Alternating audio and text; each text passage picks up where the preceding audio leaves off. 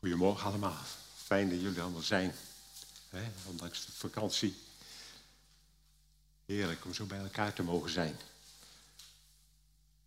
Ja, ik wil vanmorgen iets delen met jullie. Dat is echt delen. Dat kwam niet in de eerste plaats uit mijn eigen hart voor. Een paar weken geleden hoorde ik een, eh, een preek van dokter R.T. Kendall, een 88-jarige baas in de Gateway Church in Texas. En ja, die boodschap raakte me zo erg, zo diep in mijn hart. Ik dacht, dit moet de gemeente weten. Die boodschap gaat over vergeven. En we hebben regelmatig over vergeven hier. Maar wat betekent nou eigenlijk vergeven? Hoe breng je nou vergeving in de praktijk? Hij heeft een bediening dat gaat over totale vergeving. En ik dacht altijd dat ik vrij makkelijk vergaf. Dat ik mensen vrij makkelijk vergeven heb. Maar toen ik dit hoorde, dacht ik, wauw. En er spreekt zoveel liefde uit. Zoveel van God. is echt, uh, ja, sorry, ik ben wat uh, geëmotioneerd. Ik weet niet waar het aan ligt, maar ik merk het gisteravond. Ik ben een heleboel dingen aan het verwerken. Voor mij waren het afgelopen weken waren best hectisch. En ik merk dat het nu ja, wat loskomt. Mijn broer is overleden. In, in drie weken tijd van constatering tot ziekte hebben we moeten begraven. En alles wat ermee samenhangt. Dus ik, als ik wel eens wat geëmotioneerd ben. Dit kan de oorzaak zijn, maar het kan ook de oorzaak zijn van uh, de boodschap. Maar dan weten jullie waar het aan ligt. Dus de, ja, we vergeven elkaar, maar vaak is het maar ten dele vergeven. We hebben het eigenlijk ook zelden over wat vergeving nou werkelijk inhoudt. We zeggen van, ja, we moeten vergeven. We zijn geroepen om echt, compleet, totaal de ander te vergeven. Zoals Jezus ons vergeven heeft. En ik hoop zo dat je deze boodschap mag ontvangen in je hart. Dat je echt een open hart hebt, een open aarde. Want het zal zoveel veranderen in je leven. Als ik al zie wat dit in mijn leven gedaan heeft in de afgelopen weken, dat ik ermee bezig was. Maar het is niet iets wat we zelf kunnen. Dat is voor mij ook heel duidelijk. Het is bovennatuurlijke liefde. Liefde die God ons moet geven. En daarom wil ik uh, eerst beginnen met gebed. Vader God, u bent zo ongelooflijk mooi. Zo prachtig, Heer. Ik dank u, Vader, voor wie u bent. Heer, we verlangen ernaar dat u zich meer kunt openbaren vanmorgen. Door uw zoon Jezus heen, door uw Heilige Geest heen. En Heilige Geest, ik wil u uitnodigen, zoals we morgen ook al gezongen hebben. Wees welkom, Heer. Ik verlang ernaar, Heer, dat u spreekt. Heer, niet ik, het gaat niet om mij, maar dat u door mij heen uw woorden spreekt, Heer. Dat ik mijn tong mag zijn als de stift van een vader, vader schrijver, zoals in de psalmen staat. Daar verlang ik naar, Heer. Ik ben volkomen afhankelijk van u, van wat u wil doen vanmorgen, Heer. En de andere kant bid ik u voor de gemeente, Heer. Dat de gemeente een open hart mag hebben voor wat u te zeggen hebt, Heer. Dat er open aarde is, een verwachting van u om te ontvangen, Heer. Het heeft zulke mooie dingen te zeggen tot ons, Heer. Dat het onze harten verandert en dat het ons raakt, Heer. En dat we daardoor meer heilig worden in u. Maar dat kan alleen door uw geest. Heer, ga uw gang onder ons. Ja, we worden soms zo ongelooflijk gekwetst. Een ander heeft vaak helemaal geen idee wat je, wat je een ander aandoet. Hè? Moeten we eens even denken aan de balk en de splinter. We zien wel de splinter in je eigen, in een andermans oog, maar de balk in je eigen oog zie je niet. Je hebt er vaak helemaal geen idee van. Ik denk ook niet dat ik iemand van jullie hoef te vragen wie is er nooit gekwetst. Want het zijn we allemaal. We zijn allemaal wel eens enorm, soms enorm beschadigd. Maar je kunt gekwetst worden in, eh, in allerlei uh, niveaus. En dat verschilt wel per mens. Sommige mensen die worden heel erg beschadigd. Als ik denk aan misbruik, overspel, verraad, bedrog, leugens, kwaadsprekerij. Noem maar op. We kunnen soms zo ongelooflijk gekwetst zijn. Maar als je dit vanmorgen mag ontvangen, Dan zal het je vrijmaken van alle wrok en boosheid, pijn, zelfmedelijden, wraakzucht, bitterheid. Het verbetert je relatie met God. Ik zie het in mijn eigen leven. Wauw. Het herstelt onze relaties. Het verbetert je huwelijk. Ja, uiteindelijk zelfs je eigen gezondheid. Jezus heeft het, ons, heeft het voor ons gedaan. En heeft het ons voorgedaan. Voor alles is vergeving beschikbaar. Dat is iets wat mij ook binnenkwam. Voor alles is vergeving beschikbaar. Hoe ernstig ook. Voor misbruik, overspel, moord. Voor alles is vergeving beschikbaar als je ermee naar God toe gaat. Het aan hem voorlegt. Heer, ik heb gezonden, vergeef mij. Dan is er vergeving beschikbaar. En zo mogen we ook naar onze broers en zussen kijken. Je beseffen voor hen, als ze iets ernstig misdaan hebben, ook voor hen is vergeving beschikbaar. Denk bijvoorbeeld eens aan David. David pleegde overspel en daarna liet hij ook nog de man van de vrouw met wie hij overspel plakt ombrengen. Hij ging naar God toe. Heer God, ik heb, alleen tegen u heb ik gezonden. Tegen u heb ik gezonden.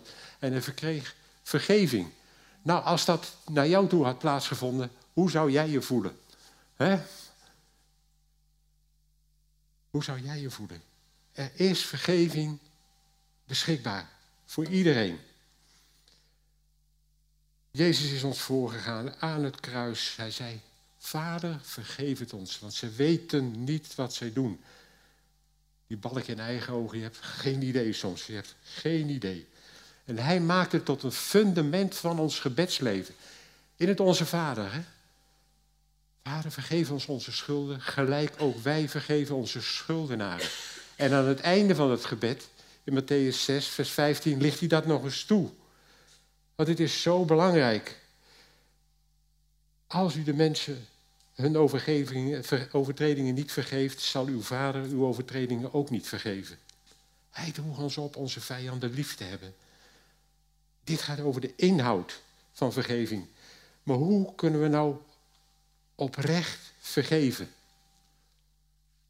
En. We gaan zo een gedeelte lezen over Jozef. Maar dat gedeelte dat valt zomaar midden in historie.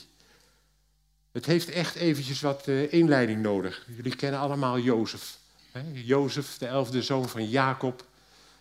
De eerste zoon van zijn meest geliefde vrouw. En daarom was hij zo kostbaar in de ogen van Jacob. Hij was zijn lievelingszoon. En ja, hij ging daar niet zo geweldig mee om. Hij trok hem voor. Hij gaf een geweldig mooi kleed aan Jozef. Ah, maar Jozef, die droeg hem ook nog. Hij was er trots op. Hij ging er overal mee rond en liet het aan iedereen zien. En vind je het gek dan dat zijn broers jaloers werden op hem? Die voelde zich zo achtergesteld. En die jaloersheid ging steeds dieper. Want Jezus, Jozef deed meer domme dingen. Hè? Verklikte de, de dingen die zijn broers deden aan zijn vader. Dus hij verbruidde zich volkomen bij zijn broers. En daarnaast kreeg hij ook nog dromen. En dat hij dromen krijgt die echt van God waren. Hield hij niet voor zichzelf, maar hij vond het ook nog zo nodig om aan zijn broers te vertellen. Is bepaald niet handig. Is echt niet handig. Maar ja, je denkt, hij moet ongeveer 17 geweest zijn. Dat is een, een puber. En een puber kunnen soms hele rare dingen zien. Ik zie zoveel. Jezus, of Jozef is voor mij echt een voorbeeld van wat Christus is. Alleen in zijn jeugd uh, bepaald niet. Dat vond ik niet bepaald een, een, voorbeeld. Maar hij kreeg wel die dromen. En zometeen gaan we een stuk lezen waarop die dromen echt in vervulling zijn gegaan. Die dromen waren van God. Hij heeft die historie gehad met uh, het huis van Potifar en is in de gevangenis geweest. Jullie weten er ongetwijfeld allemaal van. En nu is er de hongersnood in Egypte. En die zeven vette jaren zijn al voorbij. Er zijn al twee uh, jaren van hongersnood achter, uh, achter de rug. En Jacob en zijn familie, ja, die leed honger. Dus die zond zijn zonen naar Egypte. kwamen voor Jozef terecht. Jullie kennen het verhaal. En de tweede keer gingen ze terug naar huis, blij, gelukkig, met een heleboel graan. En toen werden ze weer achtervolgd door de lijfwacht van Jozef. Van wat hebben jullie gedaan? Jullie hebben de beker van Jozef gestolen. Nou, wij weten van niks. Kijk alle zakken maar na. Nou, in de zak van Benjamin, de jongste, werd de beker teruggevonden. Dus Benjamin moest terug, de rest mocht gaan. Maar ze gingen als familie, gingen ze weer terug naar Jozef. En dan begint het, het verhaal waar we zometeen zomaar binnenkomen. Ze vallen op hun knieën voor Jozef neer. En zei, Heer, vergeef het ons. Maar we gaan niet naar onze vader terug, tenzij Benjamin met ons meegaat. Neem ons allemaal maar als slaven aan, wij blijven hier. Maar we gaan niet naar onze vader terug. En daar houdt Juda een enorm bewogen pleidooi voor Jozef. En dat brak het hart van Jozef. Want hij zag dat die zoons veranderd waren. En daarom gaan we dat nu lezen. Genesis 45, vers 1 tot 11. Dus daar komen we dat verhaal binnen. Die broers die staan voor Jozef. En hebben net Juda's pleidooi gehoord. Toen kon Jozef zich niet langer goed houden tegenover allen die bij hem waren. Laat iedereen weggaan, zei, riep hij. Zo was er niemand bij toen Jozef zijn broers vertelde wie hij was. Hij barstte in tranen uit. En huilde zo luid dat de Egyptenaren het hoorden. En dat het ook in het paleis van Farao te horen was. Hij zei tegen zijn broers, ik ben het. Leeft mijn vader nog? En zijn broers waren niet in staat antwoord te geven. Ze waren verlamd van schrik. Kom toch dichterbij, zei Jozef tegen hen. Nou, daarop gingen ze dichter naar hem toe. Ik ben Jozef, jullie broer die jullie verkocht hebben, die naar Egypte is meegevoerd. Maar blijf kalm, maak jezelf geen verwijten dat jullie mij verkocht hebben. Dat ik hier ben, terecht, dat ik hier ben terechtgekomen. Want God heeft mij voor jullie uitgestuurd om jullie levens te redden. Er heerst nu al twee jaar hongersnood in het land. En ook de komende vijf jaar zal er niet geploegd of geoogst worden. God heeft mij voor jullie uitgestuurd om jullie voortbestaan op aarde veilig te stellen. Zo wilde hij veel van jullie levens, zo wilde hij veel levens redden. Niet jullie hebben mij dus hierheen gestuurd, maar God. Door hem ben ik de belangrijkste raadsman van de farao geworden. De bestuurder van zijn hele hof en over heel Egypte. Ga onmiddellijk terug naar mijn vader en zeg hem dat zijn zoon Jozef het volgende laat weten.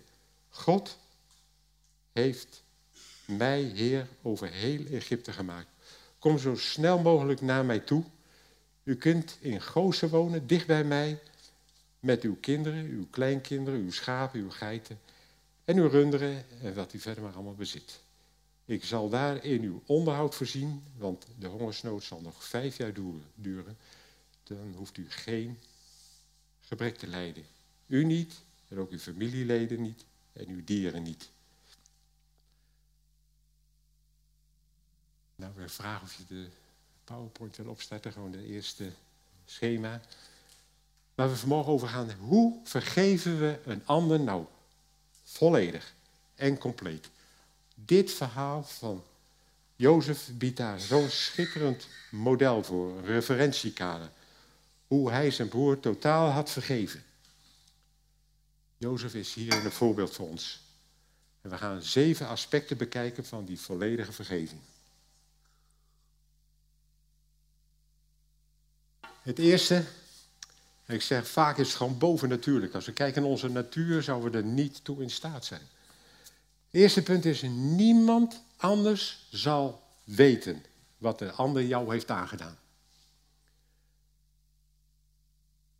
Jozef gebood zijn bedienden, zijn hele staf, te vertrekken uit de zaal waar ze waren.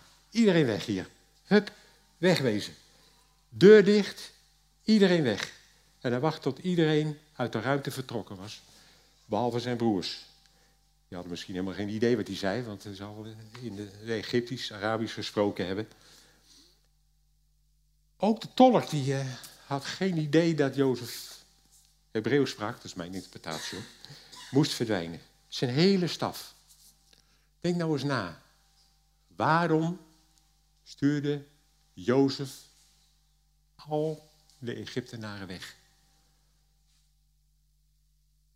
Waarom stuurde hij ze weg?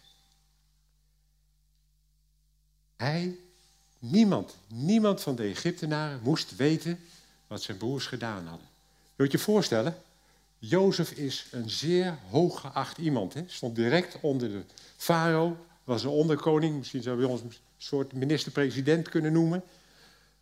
Hij stond in heel hoog aanzien en heel de bevolking van Egypte had gezien wat God door Jozef gedaan had. Hoe hij dat volk had voorzien in voedsel, in al zijn wijsheid, met opslag van al dat voedsel. Dus die man die stond in hoog aanzien. Wat denk je wat er gebeurde als ze te horen hadden gekregen dat die broers hem zo, wat, wat ze hem hadden misdaan.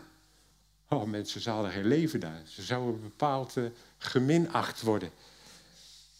En dat wilde Jozef niet. Ze zouden een grote afkeer voor hem hebben. Maar Jozef wilde dat zij hoog geacht werden in Egypte. Ze waren familie van hem. Kunnen jullie dat voorstellen? Na alles wat Jozef, wat die broers van Jozef hadden aangedaan. Zo'n houding. Hij wilde dat ze geëerd werden. Dat vind ik bovennatuurlijk. Dat vind ik zo ongelooflijke liefde. Ze wilden dat ze deelden in zijn glorie. En daarom mocht niemand in Egypte weten van hun slechtheid. Dat is een eerste bewijs van dat Jozef hen volkomen vergeten had. Geen straf, geen wraak, helemaal niks. Pure liefde. Het gaat zo tegen onze menselijke natuur in. En precies hetzelfde heeft God met ons gedaan. God heeft ons alles vergeven. Onze zonden zijn uitgewist. Ze zullen nooit meer tegen ons gebruikt worden. God zal zwijgen in zijn liefde. Als wij het er maar allemaal beleden hebben en vergeving ervoor ontvangen hebben. God zal nooit openbaren wat hij van ons weet. Er zijn dingen in mijn leven waarvan ik blij ben dat niemand die weet. Dat kan ik je rustig zeggen. Vooral uit mijn jeugd. Als ik me voorstel dat het hier allemaal scherm geprojecteerd zou worden. Mensen, kinderen, ik zou, uh, ik zou me willen verbergen. Echt. Wanneer ik echt de diepgang daarvan zou beseffen. Dat is echt verschrikkelijk. We hebben daar gewoon geen idee van. In de openbaring 6 staat dat de mensen die Jezus niet hebben willen ontvangen. Ze zeggen dat ze wilden wegkruipen achter de rotsen. Dat ze vroegen om de, de bergen val op ons. Heuvelen bedekt ons. Ik kan me voorstellen als je geconfronteerd wordt met alles wat je misdaan hebt. Maar Jezus heeft ons vergeven. En niemand zal ervan weten als je vergeving hebt ontvangen van God. En hij zal het niet openbaren in zijn liefde. Waarom hebben we toch die neiging om die kwade dingen die ons zijn aangedaan aan anderen te vertellen? Waarom doen we dat?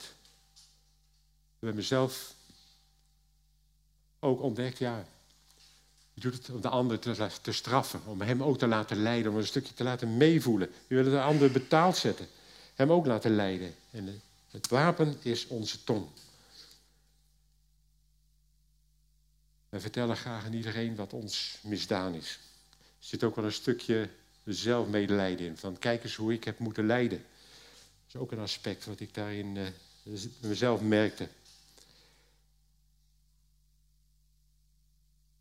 Jozef is het voorbeeld van Jezus in veel opzichten. Hij handelde met zijn broers net zoals Jezus met zijn discipelen. Kun je zich nog herinneren? Na de opstanding zijn we zich allemaal teruggetrokken in de bovenzaal. We zijn teruggetrokken. Het staat in de Bijbel in de eerste plaats omdat ze bang waren voor de Joden. Maar ik denk dat ze ook al bezig waren. Wat hebben wij gedaan? Wat hebben wij hem in de steek gelaten? Onze koning, we hebben hem in de steek gelaten. We hebben hem verraden. Hij moet Peters geworsteld hebben. Ik denk dat hij daar met, met elkaar hebben ze daar ontzettend over gesproken. En wat gebeurt er dan?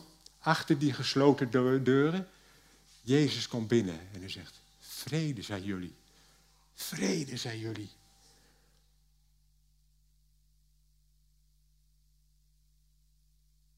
Punt 2.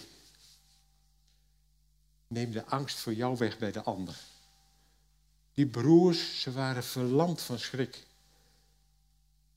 Jozef openbaarde zichzelf aan zijn broers onder tranen en met medelijden.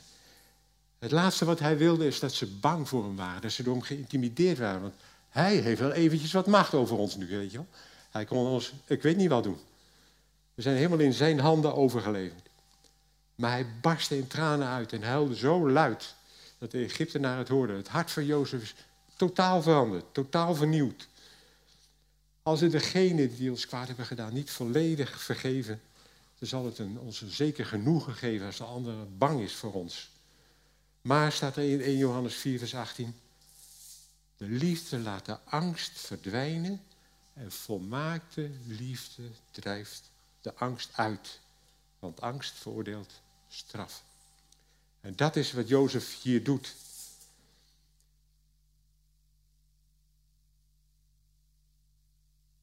Jozef wist dat ze verlamd van schrik waren. Maar wat zegt hij? Kom dichterbij. Kom bij mij. Waarom vroeg hij dat? Om twee redenen. In de eerste plaats, hij wilde niet dat ze bang voor hem waren. En hij wilde ze gewoon omhelzen omdat hij van ze hield. Jozef wilde meer geliefd worden dan bewonderd. En zo is het ook met God. God wil dat we ons geaccepteerd en geliefd voelen. De Vader, Hij wil dat we dat, dat zo mogen ervaren. En een heleboel mensen kunnen dat gewoon nog niet pakken, zoals die broers het misschien ook nog niet konden pakken. We mogen hem papa noemen. God wil niet dat we bang zijn voor hem. Hij wil dat we zijn vaderlijke tederheid mogen ervaren. En Jozef wil zo dat zijn broers zouden voelen wat Jezus wil dat we voelen voor hem en voor zijn vader. Geliefd en geliefd worden. Dat is de relatie die Jezus met ons verlangt. Dat we op ons gemak zijn bij hem. In zijn aanwezigheid. Toen Jezus toen in die bovenzaal kwam en zei, vrede zij u, was er geen enkele verwijt, geen enkele berisping voor het in de steek laten van hem. Dus als we volledig vergeven, zorgen we ervoor dat de ander niet bang is voor ons. We laten hem merken van, joh, ik heb je alles vergeven. Je hoeft niet bang voor mij. Ik zal het niet misbruiken. Ik zal het niet gebruiken. Kom bij punt 3. We helpen hen om zichzelf te vergeven en niet meer schuldig te voelen. Kun je je voorstellen hoe zij zich voelden en al heel lang voelden hoor. Jozef had niet vergeten wat ze misdaan hadden en hij pretendeerde ook niet dat hij dat vergat. Dat, uh, dat er niks gebeurd was. Maar de volgende zin is best moeilijk om te vatten. Je kunt het verkeerd uitleggen. Hij zegt, ik ben jullie broer die jullie verkocht hebben die naar Egypte is meegevoerd. Waarom zegt hij dat? Om, zich, om hen te vertellen wie hij was. Want je moet je voorstellen, in één keer zien ze een man die ze helemaal niet meer herkennen. Dus al twintig jaar uh, later zo ongeveer. Helemaal Egyptisch, spreekt andere taal. Ze herkennen hem niet. Dus hij, wat hij hier zegt, is gewoon dat hij zichzelf identificeert, zodat ze beseffen, dit is, dit is de Jozef die wij verkocht hebben. Maar, zegt hij direct achteraan, blijf kalm. Maak je geen verwijten dat jullie mij verkocht hebben. We willen de ander vaak pijn doen door hem schuldig te laten voelen. Maar Jozef deed wat Jezus zou doen. Het makkelijk voor de broers maken zichzelf te vergeven. Om jezelf te vergeven wat je allemaal misdaan hebt. Daarom gaf Jozef een verklaring voor zijn lijden. En ik besef dat, kan lang niet iedereen uh, geven zoals Jozef dat kon geven. Dus dit is best een hele moeilijke. Maar ik heb het in mijn eigen leven gezien. Ik heb ook echt hele pijnlijke dingen meegemaakt. Maar God heeft mij heel veel genade geschonken. En uiteindelijk zeg ik dat dieptepunt van mijn leven is tot de grootste zegening in mijn leven geworden. Echt, God heeft het Zo ten goede uitgewerkt. Wat in Romeinen 8, vers 28 staat. Hè? Alle dingen keert God ten goede voor hen die hem lief hebben, die naar zijn voornemen geroepen zijn. En dat is zo. En het is een genade als je mag zien op een gegeven moment wat je allemaal, wat het voor uitwerking heeft gehad, wat je hebt mogen meemaken, moeten meemaken. Ik zeg niet dat het allemaal goedgekeurd is. Ik vind het zo wonderlijk dat God zulke verschrikkelijke dingen gebruikt om zo tot zegen te mogen zijn. Voor jezelf en voor anderen. Onvoorstelbaar. Dus help de ander zichzelf te vergeven en zich niet meer schuldig te voelen. Punt 4. Laat merken dat de ander bij jou geen gezichtsverlies leidt. Wat betekent nou gezichtsverlies? Gezichtsverlies dat betekent dat je afbreuk doet in het algemeen aan iemands positie, als een maatschappelijke status van een persoon. Hij verliest aanzien, gezag en respect. Hij verliest reputatieschade.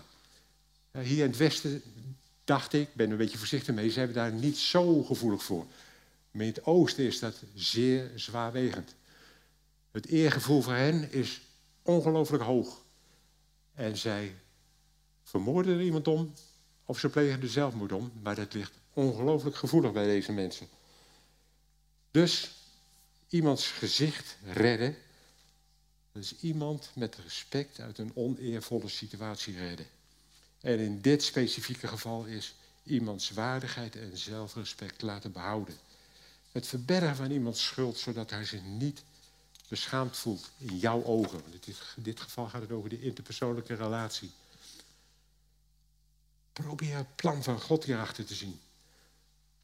Jozef zei tegen zijn broers een van de meest opmerkelijke statements die hij tot nu toe gedaan heeft. Want we volgen gewoon de tekst. Hè? Genesis 45, vers 7 tot 8.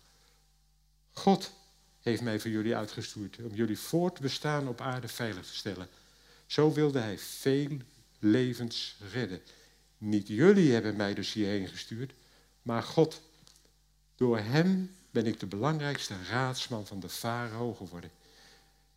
De bestuurder van zijn gehele hof en heerser over heel Egypte. Beseffen jullie dat wat hij zegt?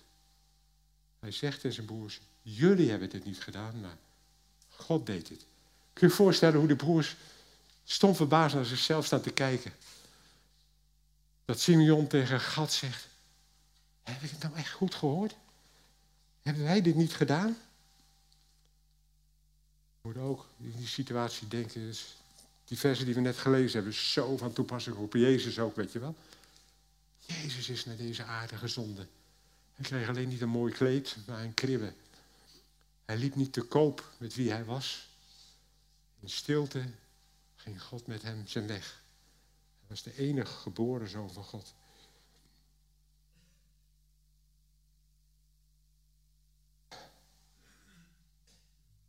Bijzonder was, Jozef besefte dat Abraham, dat God al eerder tegen Abraham gezegd had dat ze in Egypte zouden leven. leven.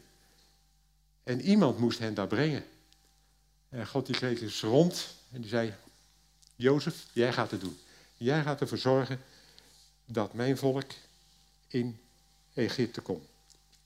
En Jozef zag dat. En daarmee troostte hij zijn broers. Ze leden geen gezichtsverlies naar Jozef toe. Wat een, wat een opluchting. Er is bij Jozef geen enkele zelfrechtvaardiging. Hij besefte van, als er een ander van mijn broers waren uitgekozen, had ik precies zo gehandeld als mijn broers. En zo mogen we ook naar onszelf kijken.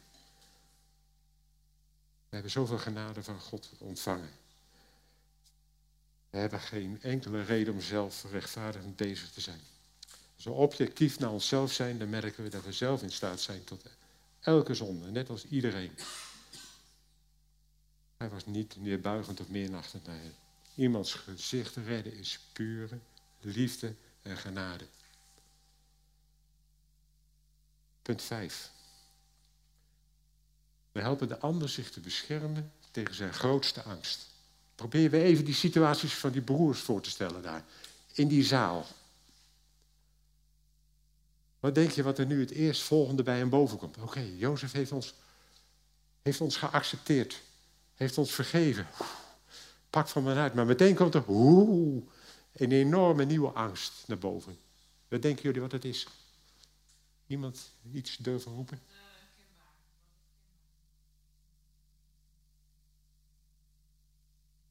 Nee, dat bedoel ik niet helemaal. Nee, maar geef niet. Ik vind het prachtig. Die broers moesten weer terug naar hun vader.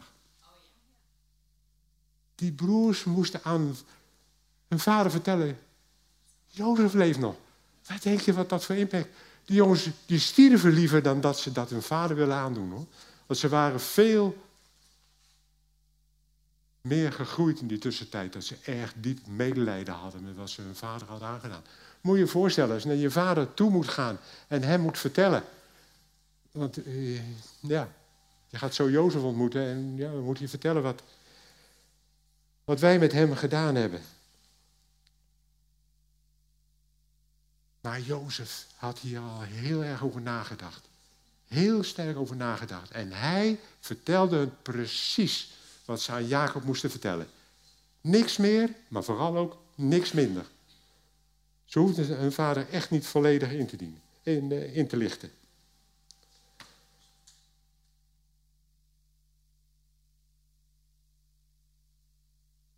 Ze moesten even vertaald, die versen 9 tot 13, tegen Jacob zeggen: Jozef leeft. En God heeft hem tot onderkoning van Egypte gemaakt.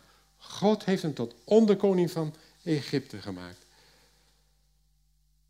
En Jozef liet zeggen, ik geniet hier veel aanzien. De hongersnood duurt nog vijf jaar. Kom hierheen, ik zal voor jullie allemaal zorgen. En dat alleen moesten ze hem vertellen. En verder niks. Jozef zou zwijgen als het graf. Niemand wist er verder iets van. Nou, jullie moeten ook je mond houden.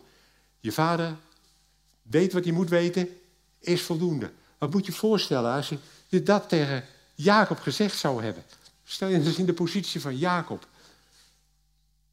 Mensen, kinderen. elf andere kinderen hebben me zo verschrikkelijk bedrogen. Mensen, kinderen, wat een bitterheid, wat een pijn. Wat een... Oh, dat is niet te omschrijven hoeveel dat in hem teweeg brengt. Nee, bescherming van hem en bescherming van die broers tegen hun grootste angst. Wat een liefde. Wat een liefde. Beleid het aan God en aan degene van wie het aangaat, die broers. Want anders zou het Jacob alleen nog maar belasten en een nog groter probleem voor veroorzaken. Spijt van die verloren jaren, bitterheid naar zijn andere kinderen, als hij ervan wist. Denk je wat, hoe ze tegen Jozef aankeken? Ze hadden nog veel meer respect voor hem. Veel meer respect. Ze hadden hem zo lief. En zo, zo bij Jezus. Jezus zwijgt erover tegen anderen. Hij heeft beloofd dat hij het ons vergeven heeft. En hij zal het zorgvuldig bewaard blijven. En dat vergroot mijn dankbaarheid naar hem toe. Als ik echt ga beseffen dat hij me vergeven heeft. Wauw. Punt 6. Een belofte, ook een hele belangrijke. Een belofte van levenslange toezegging. Ik was gehoord van, eh, ja, dat mensen tegen iemand zeiden van... Ja, maar je hebt me toch vergeven? En dan zei ja, maar dat was gisteren. Een levenslange toezegging, een levenslange belofte. Je moet daarin blijven vasthouden. 17 jaar later stierf Jacob. En wat gebeurde? De broers raakten in paniek. Ze waren bang dat Jozefs vergeving maar voor de duur was van zolang Jozef leefde. En dat Jozef nu wraak zou nemen. In Genesis 50, vers 15 en volgende staat. Nu hun vader er niet meer was, zeiden de broers tegen elkaar: Als Jozef zich nu niet tegen ons keert en ons al het kwaad vergeldt dat wij hem hebben aangedaan. En toen verzonden ze een smoes. Daarom lieten ze hem lieten ze hem de volgende boodschap brengen. Voordat je vader stierf, heeft hij ons opgedragen je dit verzoek over te brengen. Vergeef je broers hun schandelijke misdaad, Jozef. Ze hebben je in de ellende gestort, maar vergeef de dienaren van de God van je vader hun misdaad toch.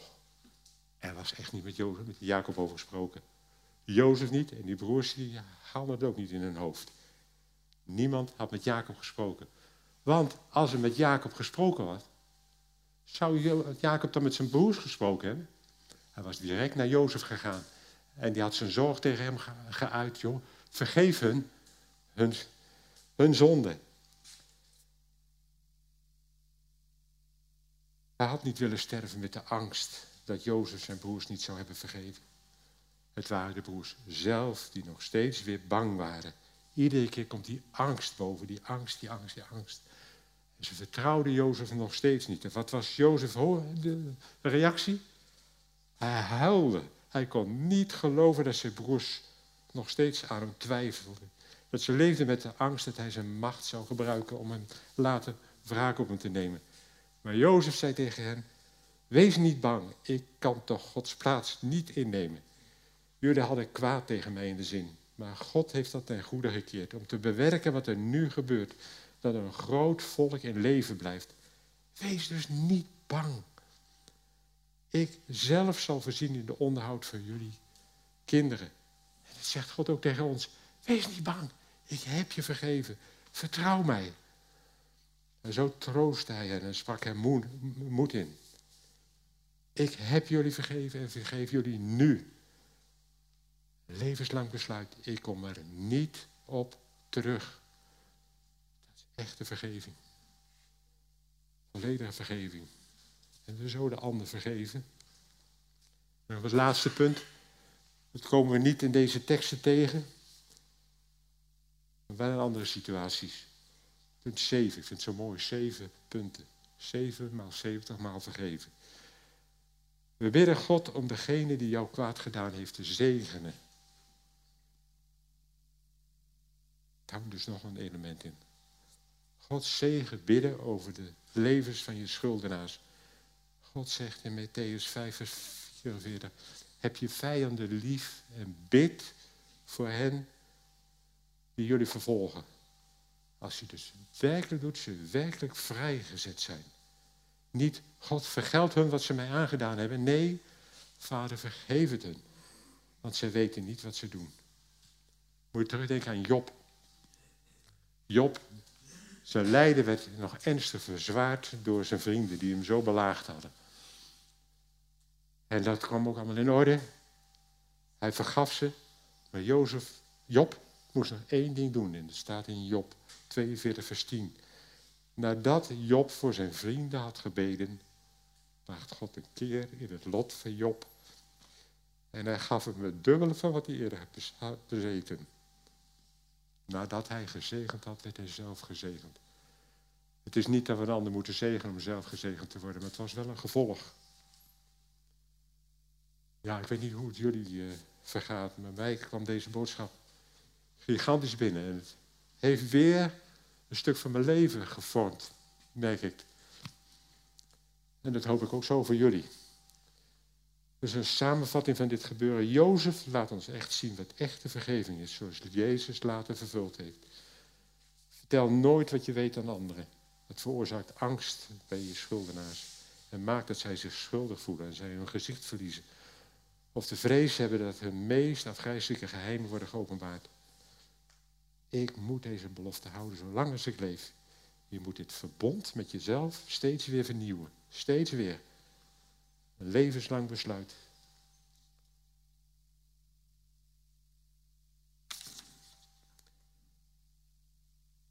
We kunnen dit alles gewoon concluderen met eigenlijk drie regels. God heeft ons totaal vergeven. En God wil dat we de ander totaal vergeven. En dat zal resulteren in complete vrijheid bij jezelf bij de anderen.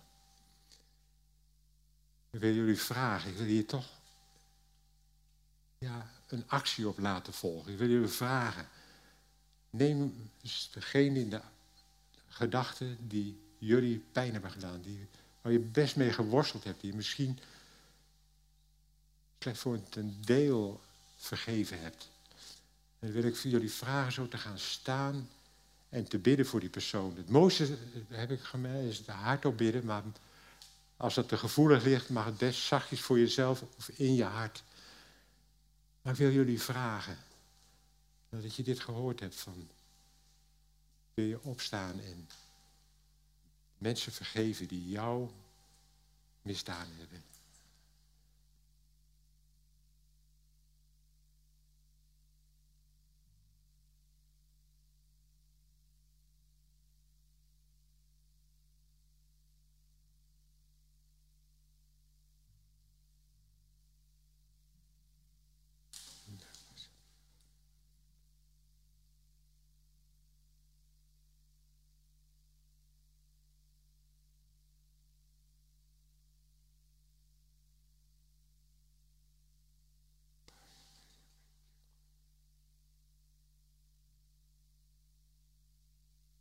Vader, dank u wel dat u ons totaal vergeven hebt van onze zonden.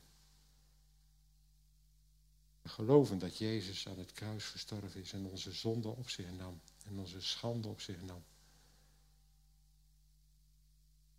Zodat wij ze niet meer hoeven te dragen. Help ons, Heer, help ons de ander totaal te vergeven. Dezelfde manier als Jezus ons vergeven heeft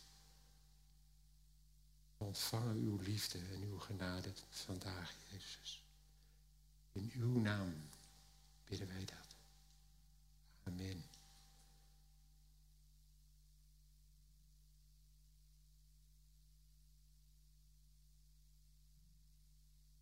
Eén afsluitend tekst.